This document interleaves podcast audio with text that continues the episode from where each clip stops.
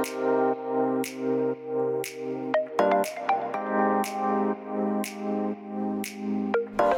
hallo, wat leuk dat je luistert naar de Good Vibes podcast met Daphne Breedveld.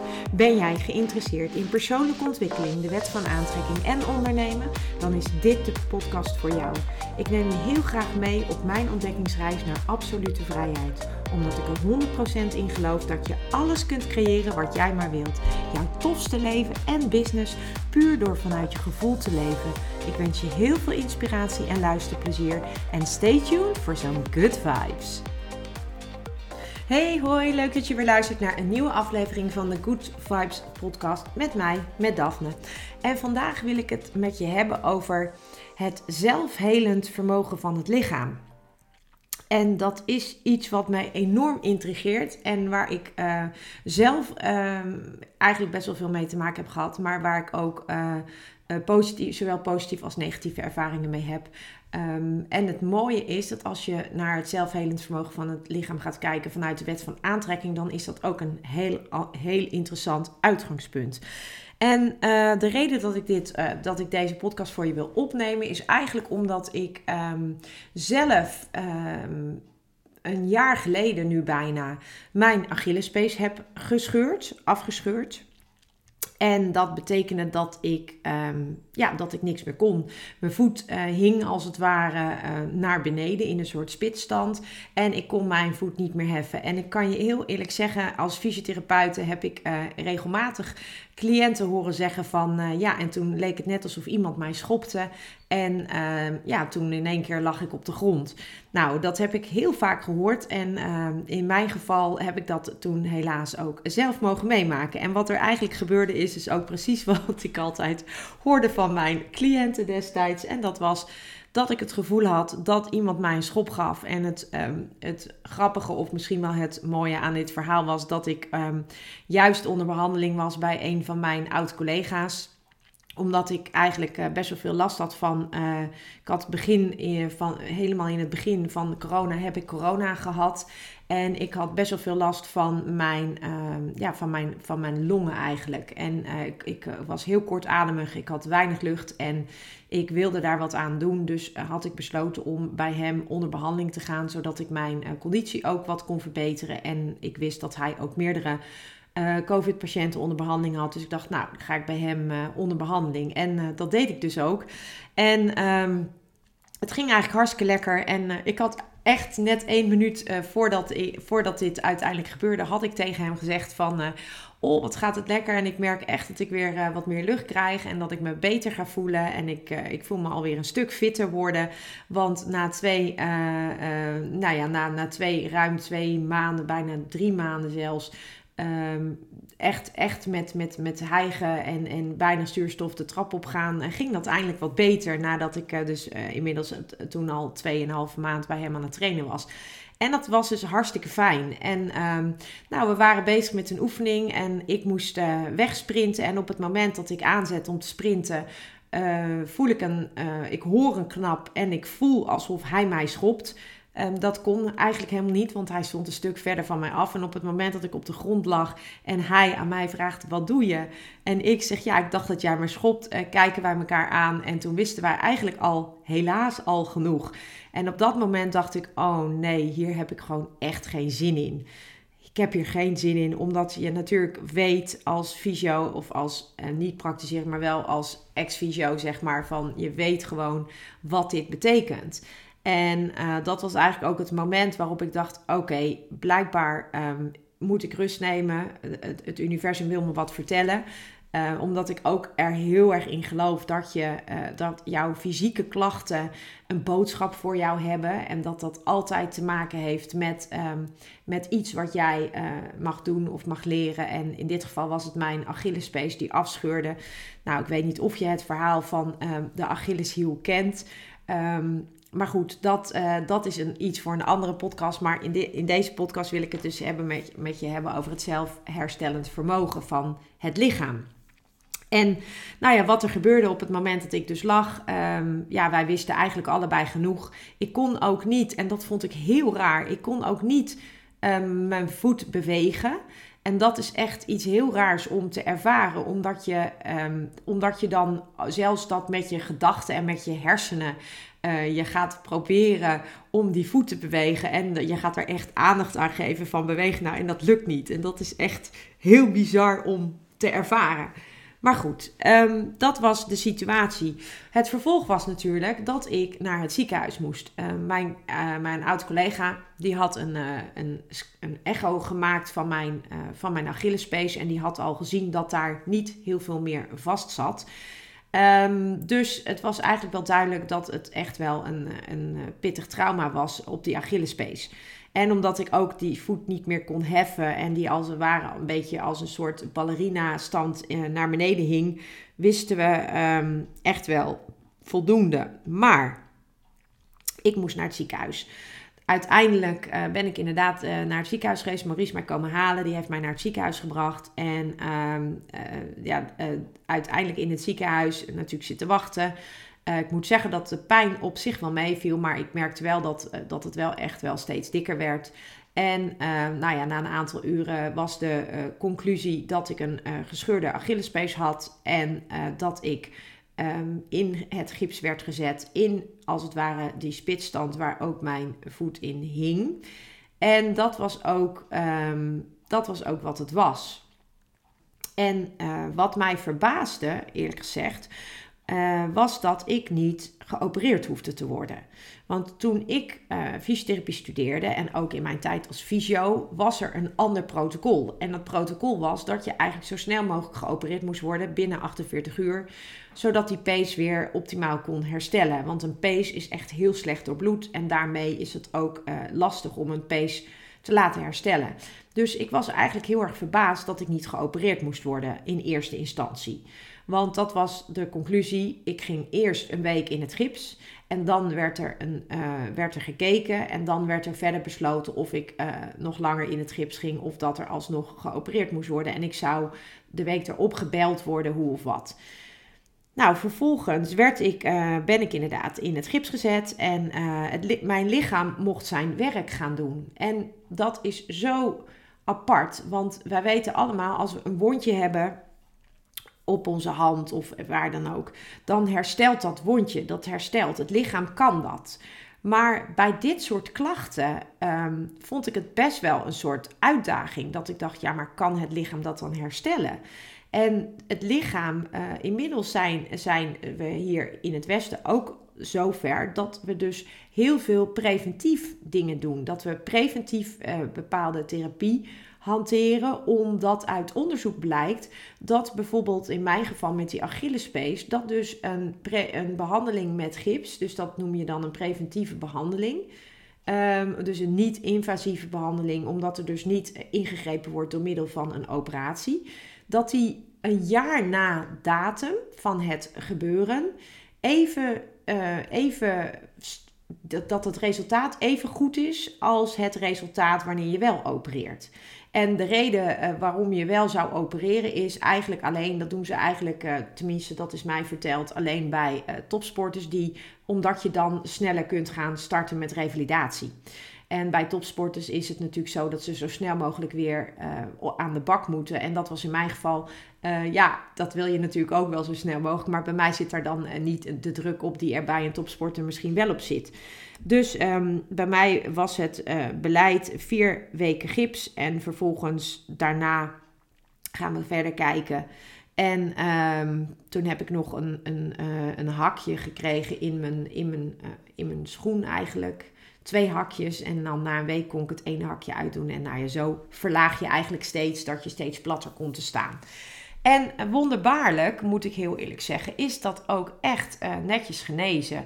Ik ben niet klachtenvrij. Dat, dat zou ik heel graag willen. En um, ja, dat is nog niet zo. Uh, maar dat heeft ook ermee te maken dat ik uh, nog andere uh, blessures helaas heb gehad aan mijn voeten. Waaronder aan beide zijden ingescheurde enkelbanden. En wat ik al eerder zei, je kunt heel mooi naar de symboliek hiervan gaan kijken. Ehm, naar de symboliek van enkels, voeten, Achillespezen. Uh, wat wil dat jou vertellen? Uh, maar dat is niet voor deze podcast, daar wil ik het graag een andere keer met je over hebben. Maar dat heeft, was voor mij wel een enorme eye-opener om ook dingen in mijn leven anders te gaan doen. Maar het herstel van deze Achillespees, dat gebeurt dus toch automatisch. Je lichaam kan dat dus herstellen. En het grappige is dat ik dus nu um, zie dat dat steeds vaker, en misschien is dat ook toevallig omdat ik gewoon steeds met scheuren slash fracturen in het ziekenhuis kom.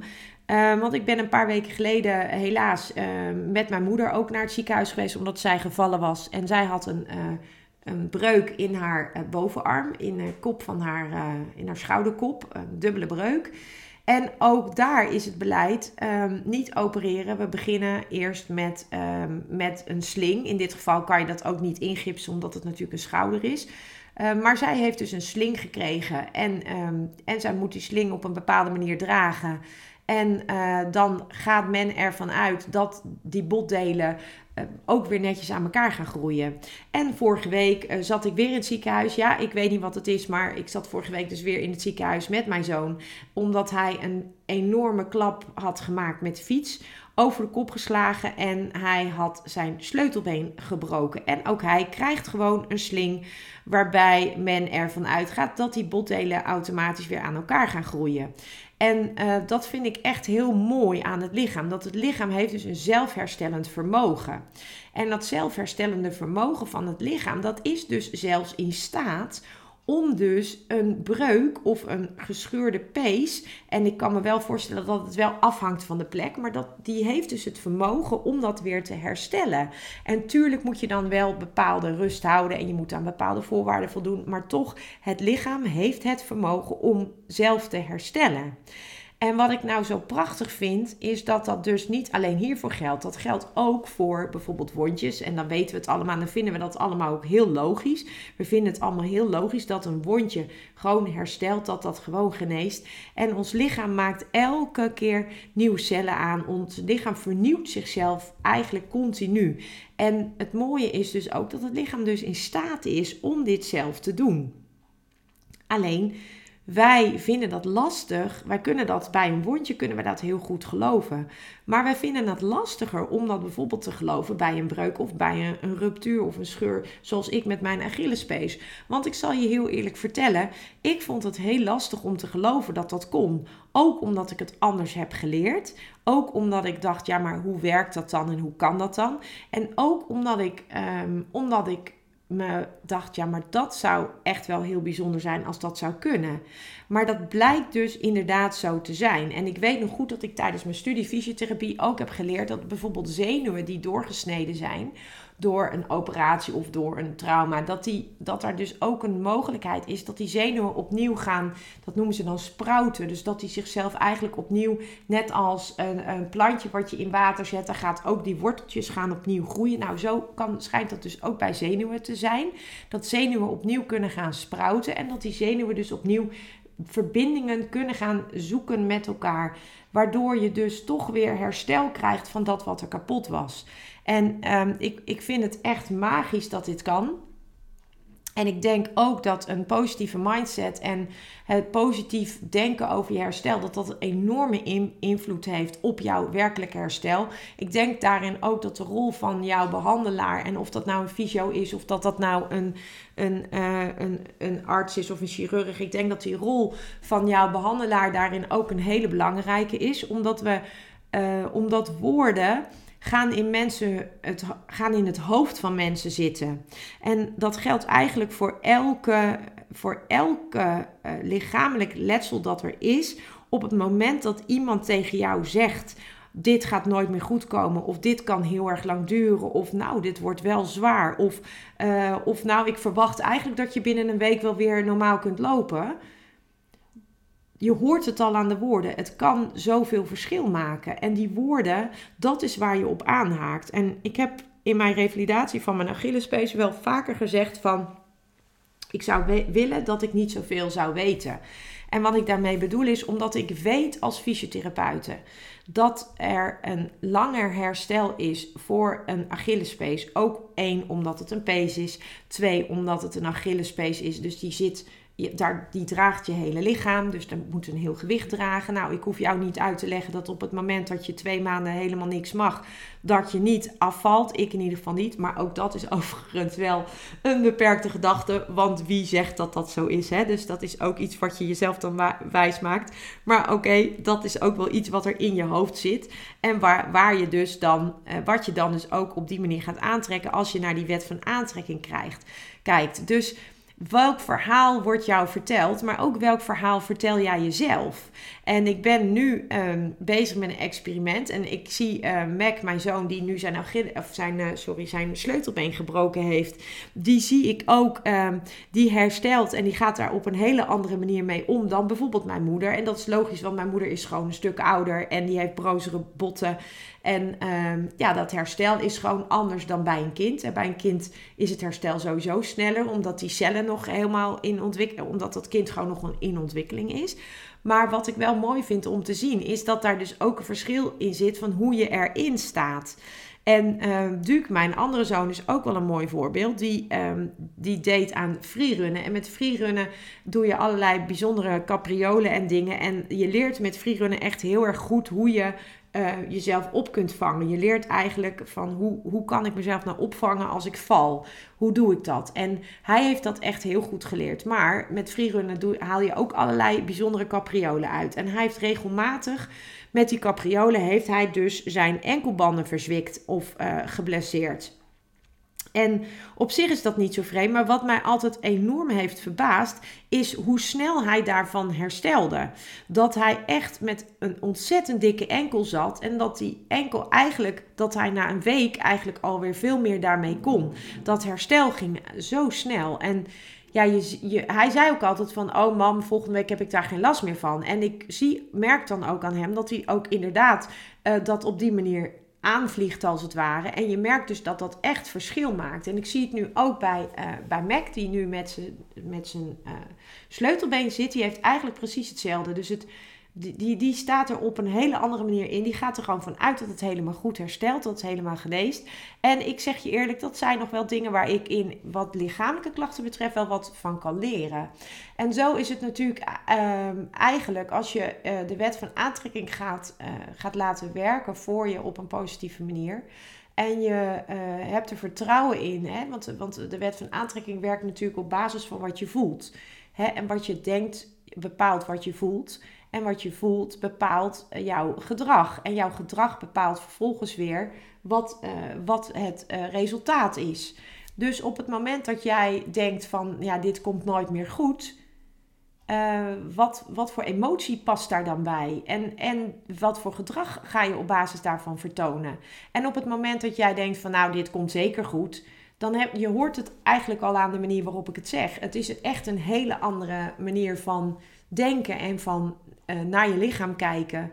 En um, ik, ik vind het bijzonder om het te zien. En het is voor mij nog steeds een experiment om uh, te kijken hoe je kan. Uh, hè, hoe werkt dat dan allemaal? Ik ben daarmee bezig en ik ben het aan het onderzoeken omdat ik ook wel geloof in dat het lichaam veel meer kan dan dat wij denken dat het kan. En um, ik heb daar echt ook een prachtige documentaire over gezien. Deze documentaire heet Heal. En um, die heb ik ooit op Netflix gezien. Ik weet niet of die nu nog op Netflix staat. Maar als je geïnteresseerd bent in hoe dat werkt, hoe dat zelfherstellend vermogen van het lichaam werkt, dan zou ik je echt willen aanraden van kijk eens die documentaire, kijk eens die documentaire Heal. Het is echt een prachtige documentaire. Heal schrijf je op zijn Engels en betekent genees en dat schrijf je H-E-A-L. En het is echt een prachtige documentaire over hoe je en wat je zou kunnen doen om jouw fysieke herstel um, ja, soepel te laten verlopen. En uh, ik vind het nog steeds wonderbaarlijk en ik blijf me er ook nog elke dag over verbazen. En toch denk ik dat er veel meer mogelijk is dan dat wij hier, hiervan afweten en dat wij hier uh, wetenschappelijk gezien, uh, hoe wij hier wetenschappelijk gezien naar kijken en over denken. En zeker ook die woorden die een ander zegt. Op het moment dat iemand tegen je zegt, nou dit wordt een lang traject, dan zit dat al in je hoofd. Nou dit wordt een lang traject. En op het moment dat jij um, dat iemand tegen je zegt van nou, dit uh, over een week uh, huppel jij weer vrolijk rond als een hoentje, dan, um, dan, dan is dat al iets heel anders. Dus ook voor hulpverleners, ben jij hulpverlener en luister jij deze podcast, dan zou ik je eigenlijk willen zeggen van uh, let, op je, let op wat je zegt. En ik bedoel dat niet verwijtend, want je, je zegt dingen op basis van wat je hebt geleerd.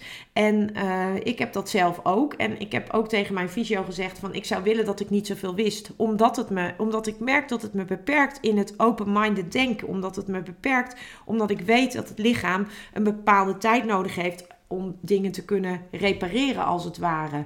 Tegelijkertijd um, ontwikkelt zich dat dus ook. En ook de protocollen en ook de behandeltechnieken en methodes ontwikkelen zich. Want toen ik als fysiotherapeute afstudeerde, toen was een operatie bij een Achillespeesruptuur was gewoon dat was the way to go. En nu doen ze dat al niet, meer. Dus ook de wetenschap gaat daarin steeds uh, verder en de onderzoeken die daarna gedaan worden. En ik denk en ik ik wil dat ook heel graag denken. Dat zeg ik er ook eerlijk bij. En ik, ik geloof ook dat dat kan. Dat, wij, dat ons lichaam tot veel meer in staat is dan dat wij denken. En er is een enorme connectie tussen je body, mind en soul. Hè, tussen, je, tussen je lichaam en je gedachten.